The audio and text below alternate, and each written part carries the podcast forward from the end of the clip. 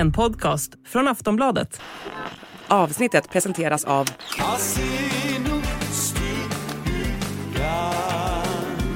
Stödlinjen.se, åldersgräns 18 år. Vad hände egentligen bakom de kungliga kulisserna när Victoria och Daniel besökte London? Vi har såklart varit på plats. Vi ska även ta upp den nya kungliga skandalboken som pekar ut två i den brittiska kungafamiljen som påstås vara rasister. Nu vet vi vilka det är. Och så berättar vi om kungafamiljens nya knep för att vara miljövänliga. Nu syr man kläder av slottets gamla gardiner.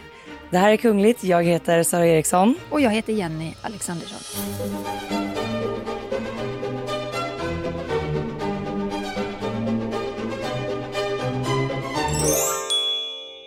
Ja, Victoria och Daniel reste ju till London för eh, ett tre dagars långt besök med viktiga möten. De gick på galamiddagar, träffade ukrainska soldater och prins William och Kate.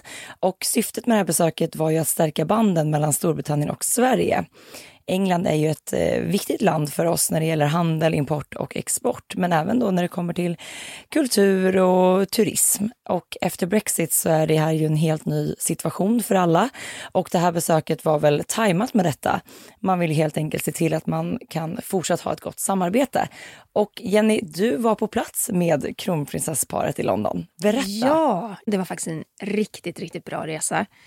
Och också det att vara i London i december är ju fantastiskt. För hela stan är julpyntad, det är en väldigt speciell stämning. Det är så vackert där då. Jättevackert. Ja. De, de brer ju på. Ja. Och kronprinsessan berättade för mig att hon har en särskild känsla för London som hon faktiskt vuxit upp med. Men på flera plan tänker jag att hon säkert har det, för att hon är släkt med det brittiska kungahuset. Hennes farfars eh, mor, kronprinsessa Margareta, föddes ju som eh, Princess Margaret of Connaught 1882. Hon nämnde faktiskt henne i sitt tal också. Ja, jag hörde det. Och så gifte, gifte sig då Margareta med den blivande svenska kung Gustav VI Adolf. Så okej, om man gör det enkelt då. Margareta var barnbarn till brittiska drottning Victoria. Så på, den, på det viset är då vår Victoria släkt med William och Harry till exempel. Ja, och Victoria och Daniel träffade ju faktiskt prins William och prinsessan Catherine på Windsor Castle. Och eh, det var, syndes nästan att det var ett väldigt så här kärvänligt och varmt möte. De, man kunde se det på de här bilderna. De såg väldigt glada ut. Och det är heller inte första gången som de träffas. Eh, kommer ni ihåg när William och Kate var på besök i Sverige 2018? Då fick vi ju se bilder på när de då hälsade på ute på Haga slott. Och jag tror de satt och fikade tillsammans där. Här ja, och sen de var i Vasaparken också och kollade på en sån här bandy spela bandy, bandymatch. eller någonting. Ja. Mm. Och det är också då kopplingen till Margareta, för det var faktiskt hon som tog isbandyn för, liksom för damer, alltså väckte lite den, det intresset och blev en stor grej. Ja, nej, men det var ju stor uppmärksamhet kring det här. Du hade någon spaning också? Ja, jag måste ju få slänga in en liten modespaning, för det är klart att man har spanat in alla kläder under det här besöket. Jag tyckte det var så snyggt att kronprinsessan klädde sig i Storbritanniens färger när, hon då, när de då hälsade på William och Kate. Hon bar ju en vit blus, en röd lite sån tweedkavaj och ett par mörkblå kostymbyxor. Snyggt. Väldigt eh, uttänkt och koordinerat. 100 procent. Mm. Men, eh, ja, men det som var trevligt också med resan, det var ju att eh, på sådana här resor så kommer man ju kungligheterna lite, lite närmare just för att eh, man, man får åka med i, i liksom deras bilkortege, man får liksom vara på plats på alla de här programpunkterna som de har. Och jag tycker liksom att både kronprinsessan och prins Daniel, de är ju väldigt, eh, de är ju väldigt avslappnade i det här gentemot medier. Så det, det, är ganska så befriande. Och sen blev det en intervju på ja, men dag två där. Och eh, då stod vi i eh, ett stort växthus i Kew Gardens, en sån jättefin park i London. Och eh, pratade med Victoria och Daniel. Och eh, då nämnde de faktiskt den här fina vänskapen som de har med prins William och prinsessan Catherine. Jag tycker vi lyssnar lite på det. Det är alltid trevligt att ses eh, och man får ta chansen när den ges. Och det, och jag menar, det, vi delar ju mycket eh, och eh, det känns väldigt naturligt och enkelt och, och, så när vi, när vi träffas. Så det är vi glada för. Det är, det är, ju, det är ju väldigt fina människor som, som, eh, som gör väldigt mycket för sitt land och utbyter tankar och idéer och, och så vidare. Så det, vi delar många intressen. Det är så kul Jenny, för den här intervjun som du gjorde gällande det, den har ju, det har ju lyfts i flera stora brittiska tidningar och sajter. Ja, Ja, men jag blev lite förvånad. I och för sig, Aftonbladet är en stor tidning, den har stor räckvidd även liksom ut i Mm, världen. Sådär. Men, eh, nej, men när jag kom tillbaka till redaktionen så var det en jättegullig kollega som också hade så listat alla tidningar. Det var People Magazine, Marie Claire, Hello, Olla, eh, Express. Ja, men det, det är roligt. Det är roligt Var det att, just eh, den här delen då när, när Victoria pratar om vänskapen med Kate och William? Ja, Mm. och först, eh, först förstod jag inte riktigt varför de fokuserade så otroligt mycket på det. Men, men tydligen är det så med brittiska kungafamiljen att de talar aldrig om kungliga kollegor på det viset. Och kronprinsessan var ju väldigt mm, ja, men varm och öppen kring det där. Och, eh, det var tydligen första gången på 70 år som man hade hört att en kunglighet talar så med en annan kunglighet. Ja, men det är klart att det blev en stor grej då. Ja, Ja, Absolut. Men eh, det var också uppenbart att eh, Victoria och Daniel hade ett intensivt schema, som vanligt. Och det var, det var högt och lågt på den, det här kungliga programmet. Och en av de programpunkter som jag tyckte var oerhört intressant, det var ju att eh, kronprinsessparet skulle träffa ukrainska soldater. Och de tränar nämligen i Storbritannien och de gör det i projektet Operation Interflex. Och där är det faktiskt svenska instruktörer, främst då från hemvärnet som tränar soldaterna. Och sen är det också på något vis fruktansvärt. För det här då, vi var ju där, vi träffade ju soldater och instruktörer. Och det handlar alltså om helt vanliga människor, civila ukrainare. Män och kvinnor, det var väl övervikt på, på män, men, men kvinnor också.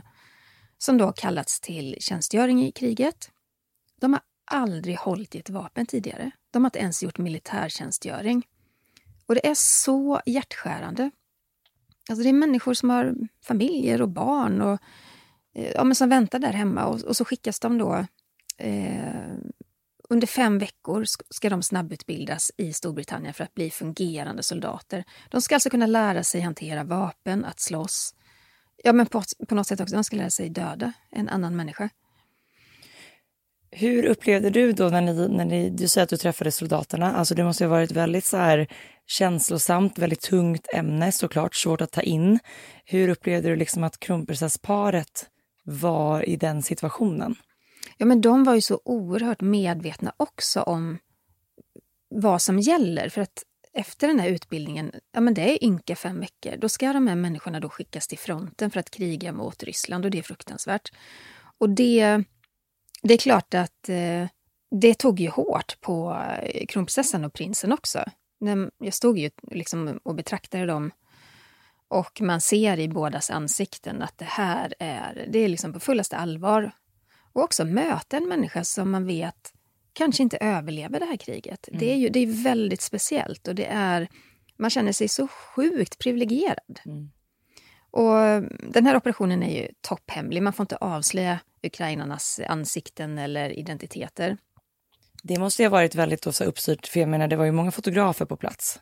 Ja, alltså vi såg ju deras ansikten. Men så fort en kamera kom fram så fick de antingen maskera sig eller så fick de, eh, blev ju vi tillsagda att blurra ansiktena. Och eh, Lotte, min kollega som är fotograf, eh, hon fick ju också hjälp med att gå igenom bilderna och kolla att nej men, oj, den här bilden ka- kan inte, ha, ha inte kvar den i din kamera. Liksom. Nej. Nej. Men jag pratade då med Boris, han var väl eh, 34 och Dimitrov som var runt eh, 39. Och de hade ju såna här balaklavor över ansiktet så jag såg ju bara deras ögon i och med att vi filmade också. Och de var ju väldigt tacksamma över att få kunskaper från sina svenska instruktörer och det sa de gång på gång. Men jag ställde ju också då frågor om deras familjer. Mm. Och de sa ju att ja, men de har familjer där hemma. Och sen blev det väldigt tyst. Och det är ju också för att det finns ju inga ord att beskriva detta. Vad ska man säga? Nej. Alltså de är ju jättemedvetna om vad de ger sig in på, vad som kommer hända. Man vet inte hur, hur, hur länge det här kriget kommer pågå heller. Men också i och med att de då har lämnat sina familjer liksom kvar i, i landet, att de heller inte liksom vet vad som händer dem eller drabbar dem i detta nu. Alltså det måste vara hemskt. Fruktansvärd oro. Men vi lyssnar lite på vad kronprinsessan sa om eh, sina upplevelser. Eh, för många av dem som, eh, som är där så var det ju också enormt tufft. Inte bara blir kriget så oerhört påtagligt. Men det är ju också när man står med de här individerna som man vet att ja, om några veckor, om tre veckor så ska de ut i krig igen. Eh, de ska till fronten. Jag tycker också att eh, prins Daniel har en väldigt viktig poäng. Eh, och som han pratade om i intervjun jag gjorde med honom, eller med honom och eh, kronprinsessan, att eh, det är ju också, det, man kan tycka att det är grymt på något sätt, men han berättar att Ukraina sparar sina unga män och kvinnor inför framtiden. Vi lyssnar lite på det. Någonting som också jag tycker var gripande var att höra, de berättar att medelåldern för de som är i strider, de ukrainska soldaterna, är 45 år. Och man vill spara de yngre för framtiden, för nationens bästa. Studenter, eh, för att de ska, ja, men för att de ska utbilda sig och kunna vara liksom bidragande, viktiga, bidragande viktiga personer i, för landet i framtiden. Men också att, ja men jag menar 45 år, då är det många av dem som är pappor och har kanske små barn. Men att det är där man prioriterar, och äldre. Ja, det är hjärtskärande. Ja, det är hjärtskärande. Ja. Det här kommer jag ju minnas. Det kommer ju finnas i mitt hjärta resten av mitt liv på något sätt. Och det, det var ju svårt att se soldaterna öva. Vi var ju med dem ute på det här fältet. Det var ju så otroligt vackra höstfält Eh, leriga såklart för det var kallt och ruggigt men, eh, men solen sken ändå på oss och det, det var såna kontraster. Och så var det en man som hamnade på efterkälken för att soldaterna skulle krypa under taggtråd på den här leriga åken. Det var kallt och jävligt och från den här taggtråden så hängde då inälvor från grisar. Och det gör man då för att övningen ska, den ska göras så att den känns verklighetstrogen. Och att då, då man, man ska kunna vänja sig vid att se död. Man ska kunna vänja sig vid att se död. Och samtidigt då så dånar det av kanoner, det smattrar av skott. Och vi hade ju alla öronproppar och hörselskydd och sådär. Men ni vet när det dundrar så mycket så att det känns som att hela ens kropp vibrerar. Så var det. Och den här mannen då, han kanske var i 40-årsåldern. Han halkade efter, han var trött, det var kallt.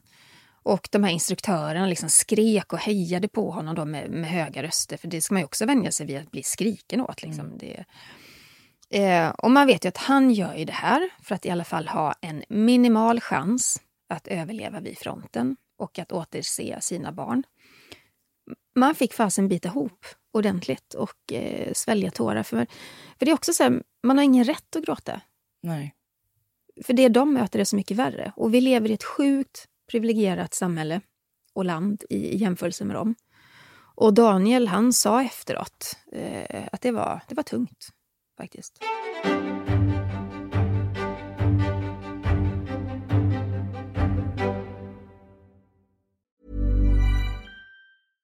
This message comes from BOF sponsor eBay. You'll know real when you get it. It'll say eBay Authenticity Guarantee. And you'll feel it. Maybe it's a head turning handbag, a watch that says it all, jewelry that makes you look like the gem, or sneakers and streetwear so fresh every step feels fly. eBay gets it.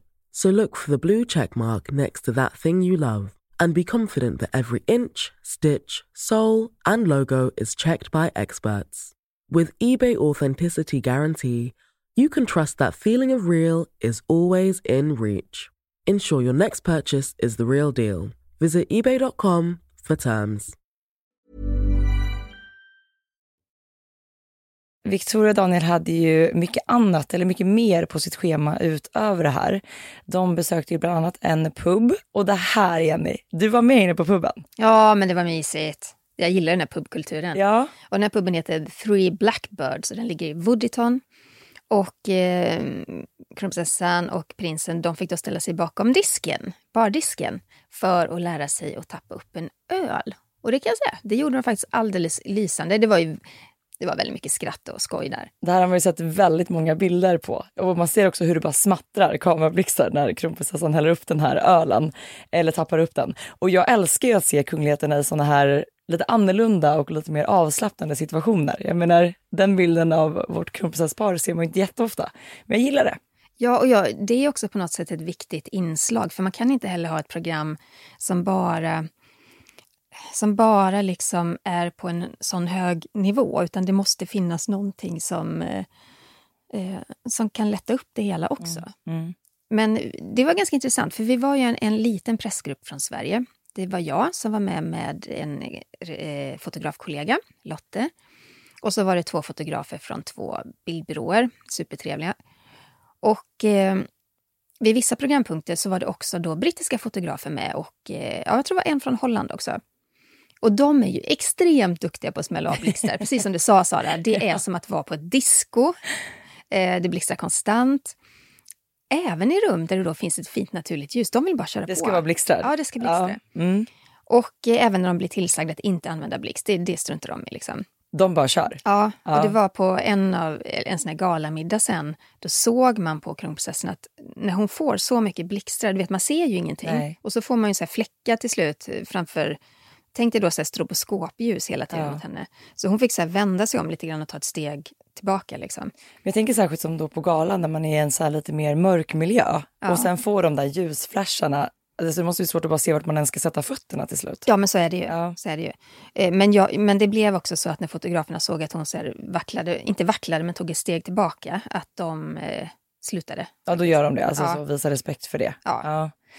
Men ja, såna här resor innebär ju också en hel del väntan. Mm. Det är inte jätteglamoröst alltid.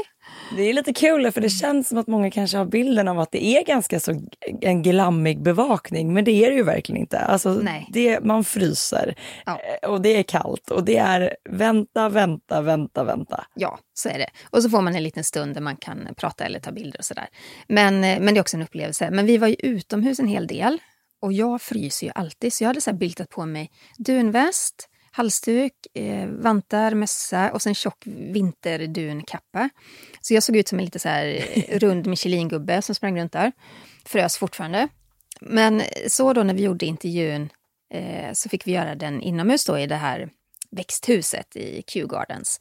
Där var det ju jättevarmt, jag blir så glad. Och det måste ha varit fuktigt också eller? Ja, men det droppade ju från, från palmerna ner på golvet så man fick ju se upp var man stod så man inte fick så här... Dyk, dyk. Och där stod du i så dubbla dun, Ja. dunuppsättning. Ljuvligt. Ja. Men jag blev ju utskrattad, alltså både av kronprinsessan och prins Daniel för att eh, alltså de har ju lite tur ändå att de går ju typ från, från en uppvärmd bil, kanske en kort promenad.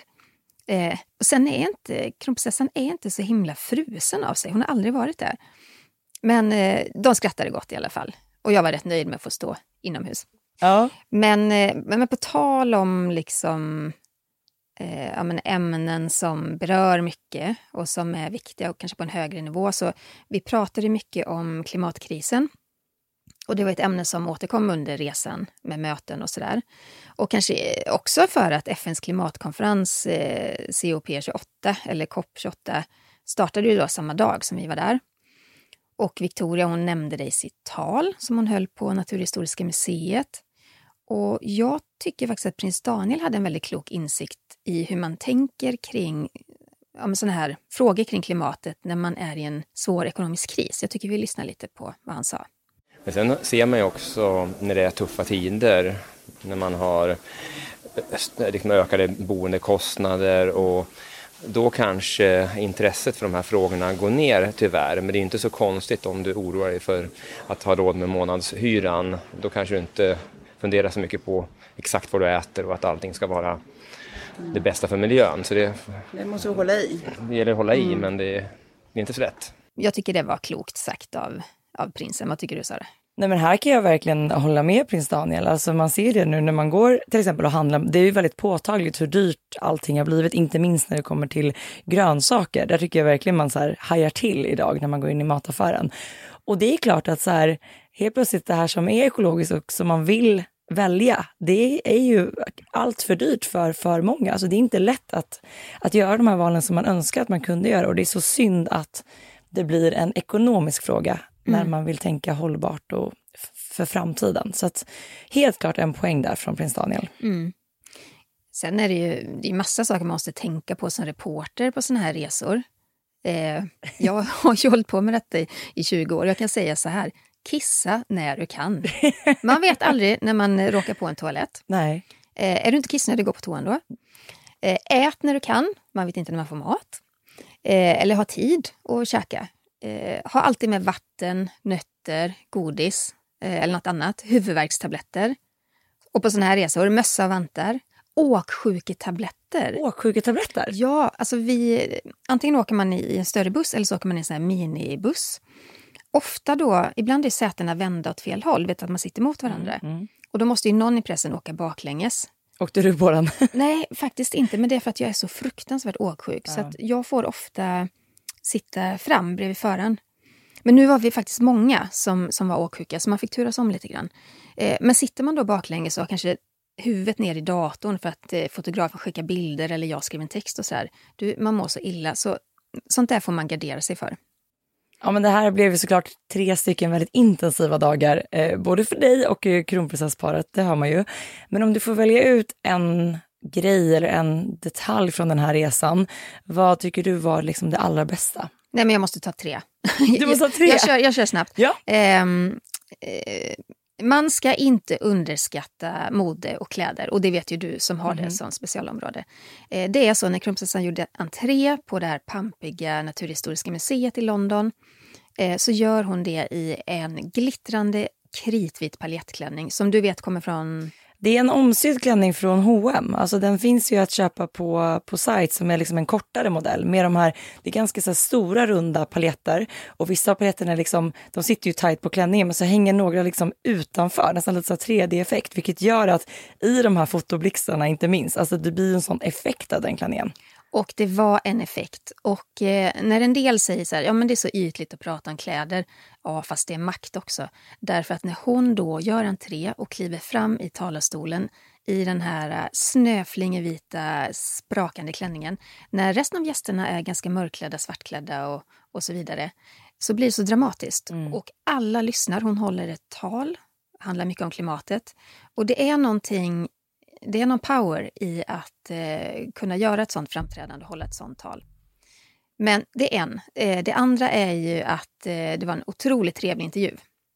Eh, och eh, det är så talande att eh, kronprinsessparet är otroligt proffsiga. Ja, de är mediatränare, men, eh, men de bjussar också. Eh, och sen går det inte att komma ifrån det tredje då. Det var ju att få besöka Operation Interflex. Jag kommer aldrig glömma det. Och det är vid sådana tillfällen som jag är väldigt glad över att jag har det här jobbet. Och när man följer kronprinsessan eller någon annan i kungafamiljen så får man ju tillgång till platser och människor som man aldrig annars skulle ha tillgång till. Och jag känner att det gör mitt liv väldigt rikt men också mitt jobb väldigt rikt på det viset. Därför att man får prata med människor som kanske i vanliga fall inte kan göra sin röst hörd. Men som kan det för att jag får access till dem. Fin och bra sammanfattning. Eh, häftig resa också. Och som du säger, vad mycket du fick uppleva tillsammans med kronprinsessparet.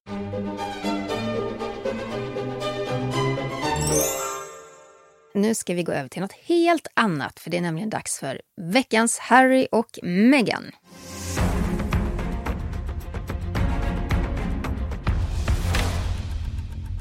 Ja, ingen har väl missat att det har kommit en ny skandalbok om prins Harry och Meghan och den heter Endgame.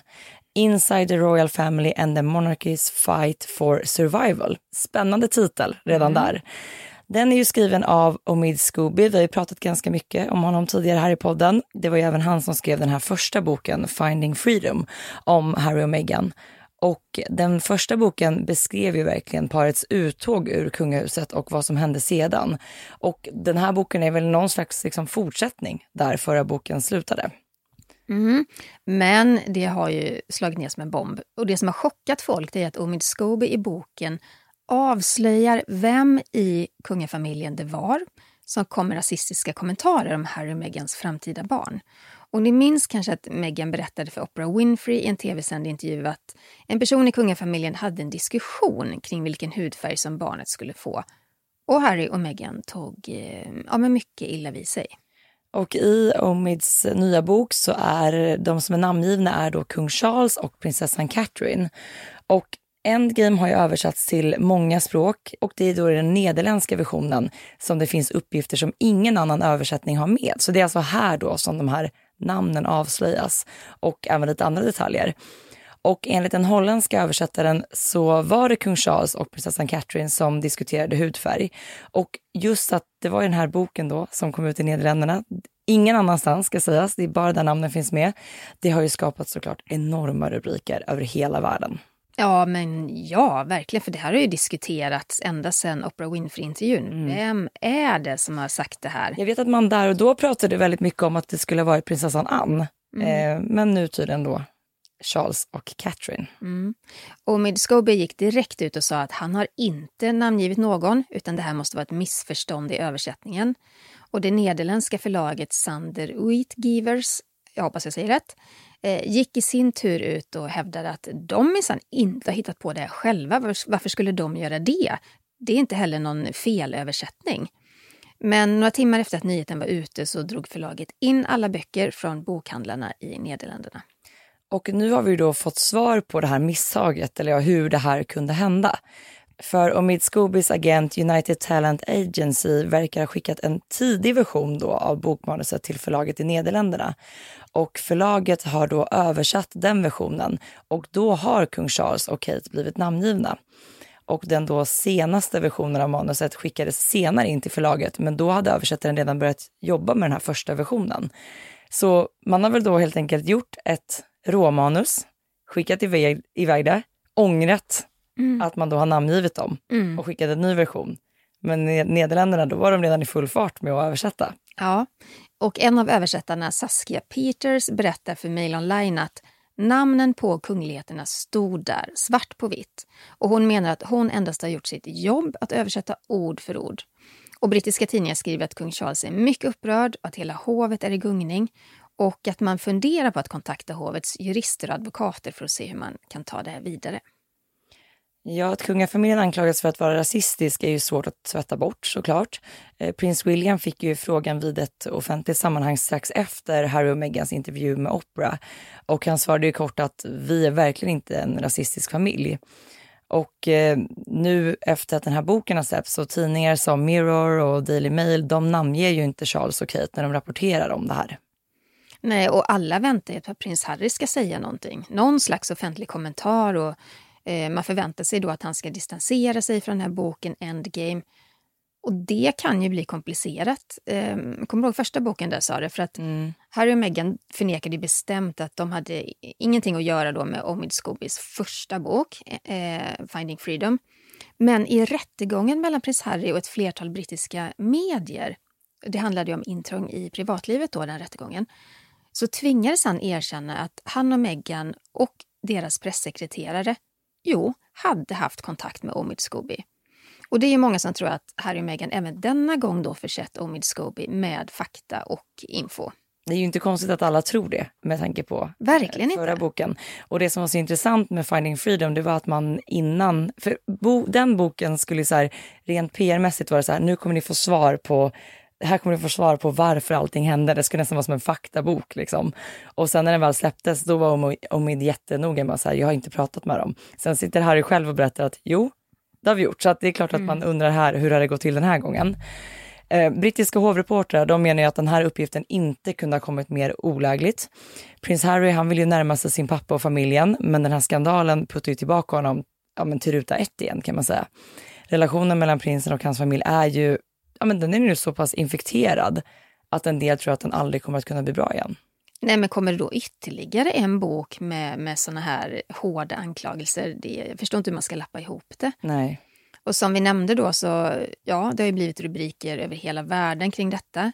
Boksläppet och ja, det övriga innehållet, det, det skuggas ju nu av händelsen och författaren Omid Scobie, han gästade BBC Newsnight och vi lyssnar lite på vad han sa om den här händelsen. What a frustrating experience for me for a book that was so heavily vetted, legaled, I's dotted, T's crossed, and a book that I was extremely proud of, now completely overshadowed by an event that has caused me a lot of frustration as well. Can you, hand on heart, look me in the eye and say it wasn't a publicity stunt?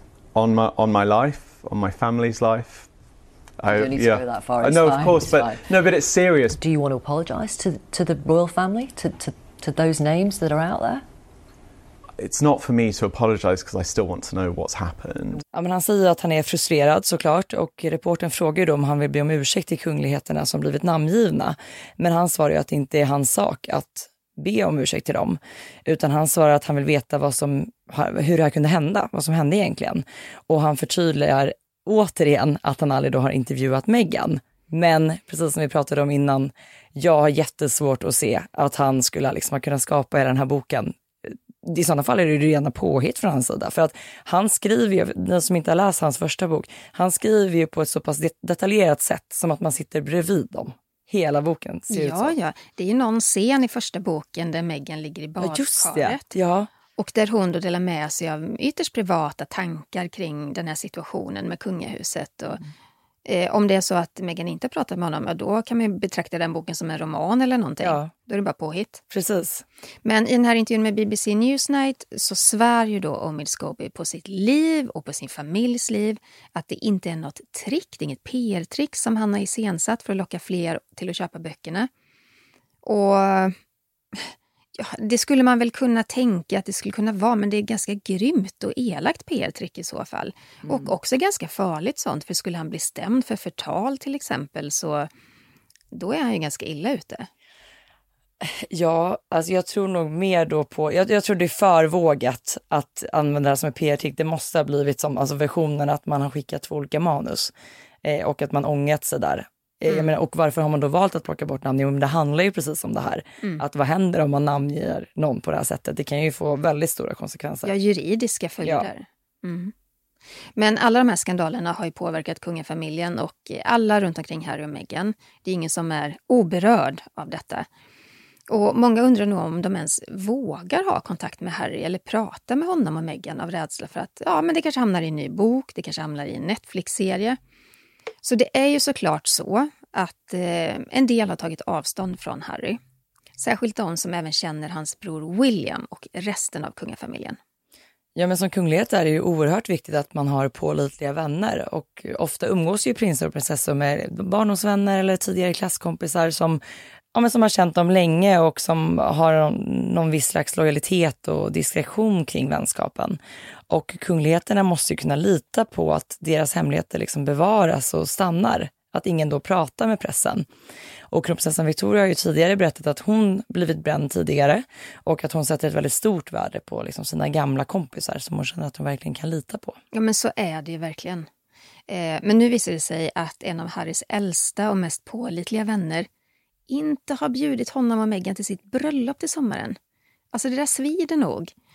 Det är ju hans barndomsvän Hugh Grosvenor som är hertig av Westminster som ska gifta sig med Olivia.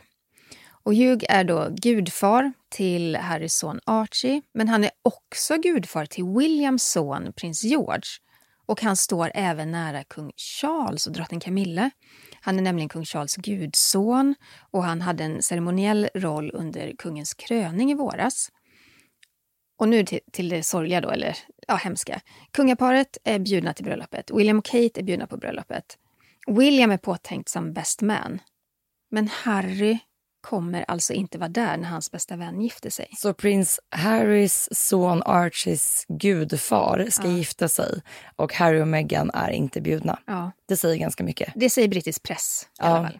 Och troligtvis är det väl så då att brudgummen inte vill riskera att det blir någon form av konflikt kring kungafamiljen liksom på ena sidan och Harry och Meghan på den andra. Det skulle liksom kunna ta hela fokuset från bröllopet såklart. Och såklart den delen att liksom medierna ska ju fokusera på de omtalade gästerna istället för på brudparet. Det kommer ju bli så. Ifall Harry och Meghan skulle göra entré där, då kommer det bara vara ett stort fokus på. Vad pratar de om? Läppläsarna kommer säkert komma in i bilden. Var sitter de? Hur ser det ut när de kommer? Det är ju så de jobbar liksom. Ja, men förlåt att jag skrattar för det är en sorglig historia, men läppläsarna, alltså jag kan, jag kan inte släppa det. Det Jag är ju en, en på yrkeskategori Ja, som men- bara finns i Storbritannien. Och I det är- tabloidpressen. Ja, och det är så roligt att se vid alla de här sammanhangen hur de sätter in, vad det än gäller, läppläsare på allt. Ja, Ja, här hade det varit läppläsarnivå. oh ja. Ja, men brittiska hovexperter menar ju då att det här är ett bevis på hur långt Harry har hamnat då utanför vänskapskretsen. Och en vän till William och Harry säger till Mirror att det är oerhört sorgligt att det har blivit så här. Hugh är en av få riktigt nära vänner till både Harry och William. Och eh, Hugh har ju i alla år då haft riktigt starka band till båda prinsarna, haft tät kontakt med båda två. Och den här eh, källan då med insyn säger att Hugh hoppas att bröderna ska bli sams igen, men han har gett upp hoppet om att det ska ske före bröllopet i sommar. Och ja, Han vill såklart undvika att det, allting som kan kasta en skugga över den stora dagen.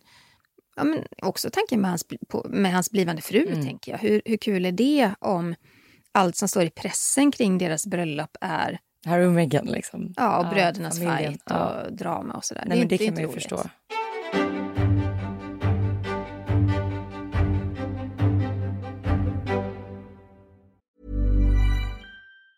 Say hello to a new era of mental health care. Cerebral is here to help you achieve your mental wellness goals with professional therapy and medication management support. 100% online. You'll experience the all new Cerebral Way, an innovative approach to mental wellness designed around you. You'll get a personalized treatment plan from a therapist, prescriber, or both in a safe and judgment free space. Your cerebral therapist or prescriber will outline a customized plan with clear milestones along the way so you can get to feeling your best. With Cerebral, you're not alone in your mental health journey. We're here to empower you to live a fulfilling life. So take that first step towards a brighter future and sign up today at cerebral.com slash podcast and use code ACAST to get 15% off your first month. Offer only valid on monthly plans. Other exclusions may apply. Offer ends July 31st, 2024. See site for details. Nu ska vi prata om prins Sverre Magnus som fyllde 18 år den 3 december och eh, det har ju såklart uppmärksammats ordentligt i Norge men även i övriga Europa. Sverre Magnus är ju lillebror till Ingrid Alexandra eh, som en gång då kommer att bli Norges regent. Och norska hovet har tagit till ett väldigt spännande och roligt sätt att uppmärksamma födelsedagsbarnet. De har då låtit Ingrid Alexandra intervjua sin bror och sen har de då lagt upp det här videoklippet på såna, sina sociala medier. Och jag tycker vi ska lyssna lite på hur det lät. Mm, nå blir jo du 18. Hva tenker du står øverst på bucketlisten da? Å hoppe i fallskjerm blir veldig fett. Eh, skal gjøre det med en veldig god venn av meg, eh, og det skal jeg få til. Det bare må jeg gjøre. Hva syns du virker gøy med å hoppe fallskjerm? da? Nei, altså du har gjort det. Det er jo å hoppe ut av et fly, eh, da å hoppe at fallskjermen åpner seg. Ja. Vad spännande att Sverre Magnus vill hoppa fallskärm. Jag kan säga att det är mitt värsta. Nej men mardröm, alltså det skulle Aldrig. jag aldrig göra. Nej. Någonsin. Nej, jag är för rädd för sånt där. Ehm, också kul att höra att Ingrid Alexandra har gjort det tidigare. De känns ju väldigt äventyrliga de här två syskonen.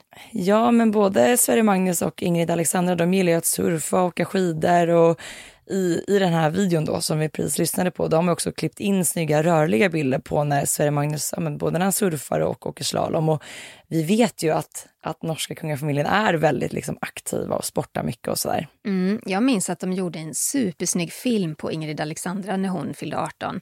Och den kändes ju nästan som en proffsig reklamvideo. Och jag kan tänka mig att den blev ju säkert så lyckad och nu vill de göra liknande med Sverre Magnus. Mm. Mm. Och det här, det här klippet då har ju fått, eller videon har ju fått eh, enormt mycket uppmärksamhet och över 40 000 människor har ju hittills gillat den nu när vi spelar in. Och eh, jag tycker vi lyssnar lite mer på vad prinsen berättar, för det finns nämligen en händelse i hans liv som fick ett enormt genomslag. Han var ju bara 12 år eh, när han då i samband med eh, kungaparets 80-årsfirande klev ut med hela familjen på slottsbalkongen så här, och eh, ja, men man tänker sig ett vanligt kungligt sånt sammanhang, det är ganska formellt. Och högtidligt. Högtidligt, man, de vinkar lite.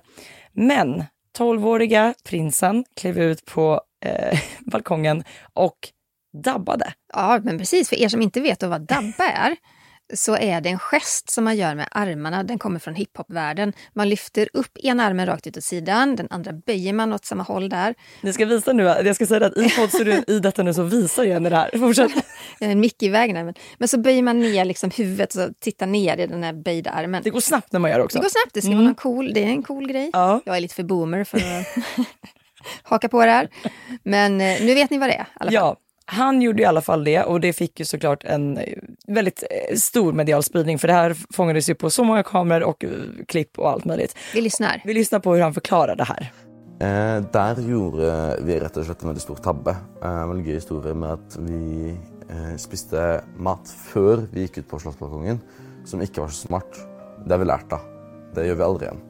Fordi da hadde jeg liksom spist masse i Jeg tror det var fem is nede. Og så hadde jeg da fått sukkerkicket akkurat når vi gikk ut. Liksom, jeg gikk ut og sa wow. Så syns jeg alt var veldig gøy. Så orsaken enligt prinsen till att han dabbade det är alltså att familjen precis hade käkat mat och så hade han ätit fem glassar efteråt. Och det var ju, Många. var ju gen- generöst tänker jag. Ja. Fem glassar, det får inte ens min son hemma kan jag säga till efterrätt. Men han, prins eh, Sverre Magnus menar att han var så full av glass att han var sockerhög och då fick han för sig att dabba. Han var så hög på socker och fick någon sån kick då och Mm. gick ut och gjorde det här lite, lite väl impulsivt. Jag kan tänka mig att han blev tillsagd i efterhand, att det inte var helt populärt kanske i familjen.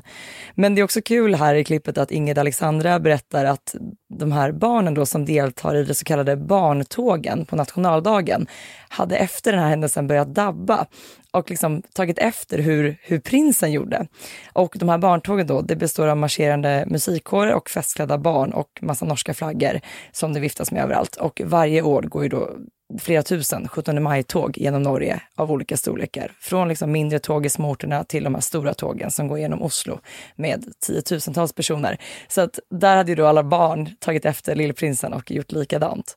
Och eh, ja, men jag tycker det är kul när man ser den här intervjun med Ingrid Alexandra och Sverre Magnus. Jag tycker att norska kungahuset, de har verkligen steppat upp när det kommer till sociala medier och medial närvaro. Jag tycker det är snyggt. Och de känns lite mer familjära tycker jag i jämförelse med svenska eh, kungafamiljens eh, närvaro på sociala medier. Som kanske är lite mer Tillrättalagd. Tillrättalagd och li- officiell kanske är rätt ord. Men jag tror det är, det är en bra väg att gå. Ja men det är det verkligen. Mm. Men nu ska vi prata om något helt annat, men som också har att göra med nytänkande inom kungahuset. För det har nämligen framkommit att kung Charles beslutat att gamla gardiner från slotten ska återanvändas och göras till kläder. Och i det här specifika fallet kimonos, alltså japanska eh, Mm. rockade lekor. Vi har ju sett bilder på det här. Eh, mm. Ja, men säg först, var de, var de fina eller? Det är inte min stil, om vi säger så, om jag ska ge ett väldigt politiskt svar. Det är kanske ingenting jag skulle ta på mig diplomatiskt. Mm. själv. Men det som är häftigt är att de har ju då skapats, det handlar om väldigt stora mängder tyger som då tidigare prytt fönstren på Windsor Castle och också Buckingham Palace. Och de har legat lagrade under en lång tid och det är då kungens stiftelse som har beslutat att de här tygerna ska återanvändas till då handgjorda lapptäcks-kimonos. Och det var då kung Charles som såg till att stiftelsen fick tillgång till de här gardinlagren på Windsor Great Park. Det är där de, det här kungliga materialet förvaras och repareras. Och man kan ju bara tänka sig hur mycket som finns på det där lagret. Ja men verkligen. Och det är elever från stiftelsens kurs i produktionsteknik som har använt de här tygerna. Det blev en del av deras utbildningsprogram helt enkelt. Eh, och i början av 2022 så skickades 30 olika mönster till eleverna som fick i uppgift att ja, men göra om det här då till kimonos. Ja, och en talesperson för kungens stiftelse sa att så här, citat, det var verkligen kungens idé att använda de här gardinerna, slutcitat. Och det kan man ju tänka sig. Ja, absolut. Och Jacqueline Farrell som är utbildningsdirektör på Kungens stiftelse berättar att eleverna blev överraskade över att de då ska få hantera och ta hand om det här historiska kungliga tyget. Och så, så säger hon så här. Det var som julafton att få de där buntarna och öppna dem alla och rota för att se vad vi hade fått. Mm. Jag kan se det framför mig att de sitter och öppnar upp sig tygpaket där och vecklar ut tygerna och håller upp och visar. Hon säger också det att, att det kom, när de, de var tvungna att komma över lite den här chocken när de då blev ombedda att så här klippa upp några av de här kungliga gardinerna. Liksom att, först var det utmaningen att skulle liksom vilja förstöra de här tygerna och sen då utmaningen i att liksom komma fram till designen. Mm. Nej men det är, det är bra återvinningsgrej tycker jag. Ja, men det är ju kul att kunna då använda gammalt kungligt tyg till att göra någonting Ja. nytt. Alltså, det är en rolig idé. Och eh, de här färdiga kimonosen säljs nu på auktion fram till den 8 december. Och pengarna som då kommer in kommer att gå tillbaka till stiftelsen för att stödja dess framtida textilprogram. Ja, ja Mm. men fint initiativ måste jag säga. Ja, håller med. Men tyger, vackra klänningar och sy och grejer. Vi måste prata om Nobel, det är på söndag. Ja, alltså hur kan tiden ha gått så fort? Vi är redan liksom inne i december. På söndag är det dags för årets Nobelfirande. Och i år så kommer kungaparet, kronprinsessparet och prinsparet att närvara vid prisutdelningen och på festen. Det här Jenny, det är ju årets höjdpunkt. Oh ja. Alltså frasiga galaklänningar och gnistrande diadem. Äntligen säger jag. Ja men man gillar ju det. Och sen, ja, visst, Nobelpristagarna ska stå i centrum och allt sånt där. Men Well. det, det är ju också en upplevelse tycker jag att eh, se kungafamiljen på plats. De är ju hedersgäster varje år. Mm. Va, vad ser du fram emot mest? Ja, men såklart modevalen, eh, men även då vilka diadem som de kommer att bära. Och jag hoppas att vi ska få se prinsessan Sofia bära något annat diadem än sitt privata. För nu har vi sett hennes egna diadem i så pass många utformningar. Jag menar, hon har ju de här gröna smaragderna, hon har burit om eh, turkoser med pärlor, topaser och gula stenar. Det vore så kul att se henne bära någonting annat. 2016 så fick, när hon bar den här gröna klänningen, då fick hon ju låna det lilla ståldiademet. Men det är inte så pampigt. Alltså, det vore kul att se någonting annat ur, ur samlingen. Har hon burit knappdiademet någon gång? Ja. Inte på Nobel. Men vid något annat tillfälle? Ja, det är något liksom. tillfälle. Jag tror att Ja. hon har burit fyrknappsdiademet Ja. vid någon mottagning. Jag vill också se henne i något eh, tjusigt. Ja, knappdiademet skulle kunna vara någonting. Ja, Mm. och så är det kul att se ifall de återanvänder klänningar. Det är ändå så att eh, typ det drottningen har på sig på Nobel, det har använts vid ett statsbesök eller något annat tillfälle. Man är ju noga med det, att det ska inte bara köpas in någon haute couture och sen ska det bara hänga i en garderob, utan det, det ska användas. Men 2018 så gjorde ju kronprinsessan Victoria modesuccé. Det blev en snackis över hela världen när hon gjorde entré i sin mammas, drottning Silvias Nobelklänning från 95, signerad Nina Ricci. Ja, men det är ju den här eh, klänningen i tre olika pastellfärger med en stor rosett i ryggen som man då gjorde om och som kronprinsessan gjorde entré i. Det här blev ju såklart en snackis. Och man vill ju se kronprinsessan använda fler galaklänningar efter Silvia. Men det är ju heller inte helt enkelt. Alltså kronprinsessan är ju längre än drottningen. Eh, så att det kräver ju att galaklänningen har väldigt mycket tyg över som man då kan, liksom, jag vet inte vad det heter på det här språket, men fälla ner eller liksom använda. Och just då den här Nina Ricci-klänningen så fanns väl den möjligheten att det fanns så pass mycket tyg över. Men jag håller tummarna för att vi ska se mer återbruk och jag kikade faktiskt lite i arkivet. Jag hade älskat att se kronprinsessan göra entré i samma klänning som drottningen bar 1983. Det är en röd klänning signerad Jörgen Bender. Den är liksom så här, tänk dig så här, ganska clean ner till men stora röda puffärmar. Åh, och hur ser urringningen ut? Eller är det någon ringning liksom? Ja, den är ganska så här, jag ska förklara, ganska så enkel. Den går Båt- ganska, ja, lite mer båt, båt, ja. båtringad. Den hade jag Ja. velat se på kronprinsessan Victoria. Men vi Ja. får väl se. Är det inte, inte mycket tyg i kjolen? Är den bara rak? Liksom? Ja, den är ganska så mycket volym åt sidan ändå. Lite som Nina Ricci-klänningen och liksom bak, bak till. Men just puffärmen är ju liksom det centrala. Kommer du ihåg att kronprinsessan hade en röd sån puffig Mm. klänning för några år sedan? På kungens middag för Nobelpristagarna bar hon ju den. Den var ju häftig. Ja, den, den här är lite lik den. Ja, Det hade varit kul att se på Nobelfesten tycker jag. Då hoppas vi på det. Mm. Tack snälla för att ni har lyssnat på oss den här veckan. Vi kommer ju höras igen nästa vecka. Vill ni ha dagliga uppdateringar om kungligheter? Följ oss på sociala medier. Var finns du, Sara? Man hittar mig på Instagram och på TikTok under namnet royalistan.se. Och var hittar man dig? Eh, på sociala... Vad säger jag? På Instagram. eh, Kungligt med Jenny. Jag la märke till på ditt TikTok-konto. Mm. Jäklar! Miljonvisningar på en del kungliga grejer. Ja, det har barkat iväg där kan jag säga. Det är det som är så roligt med TikTok, att alltså, på Instagram har man ju liksom mer sin följarskara och liksom det, siffrorna liksom är ganska stabila. Men på TikTok finns det ju helt andra möjligheter att saker och ting man, man inte ens tänker ska flyga iväg. Det bara smäller till. Ja, liksom. och det är väldigt roligt att följa. Ja. Så kika gärna in där. Ja. Vill ni ställa frågor till oss? Vi kommer komma med frågeavsnitt under julen. Skriv till kungligt aftonbladet.se. Tack för att ni har lyssnat. Ha det bra! Hej då! Hej då!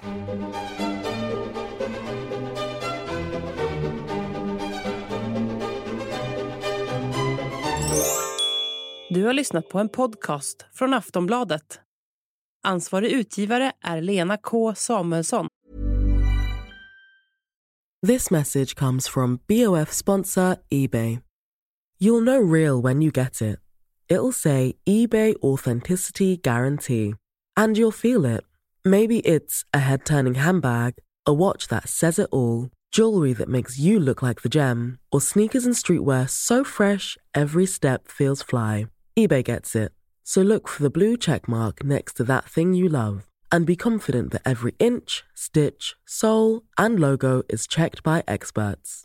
With eBay Authenticity Guarantee, you can trust that feeling of real is always in reach. Ensure your next purchase is the real deal. Visit eBay.com for terms.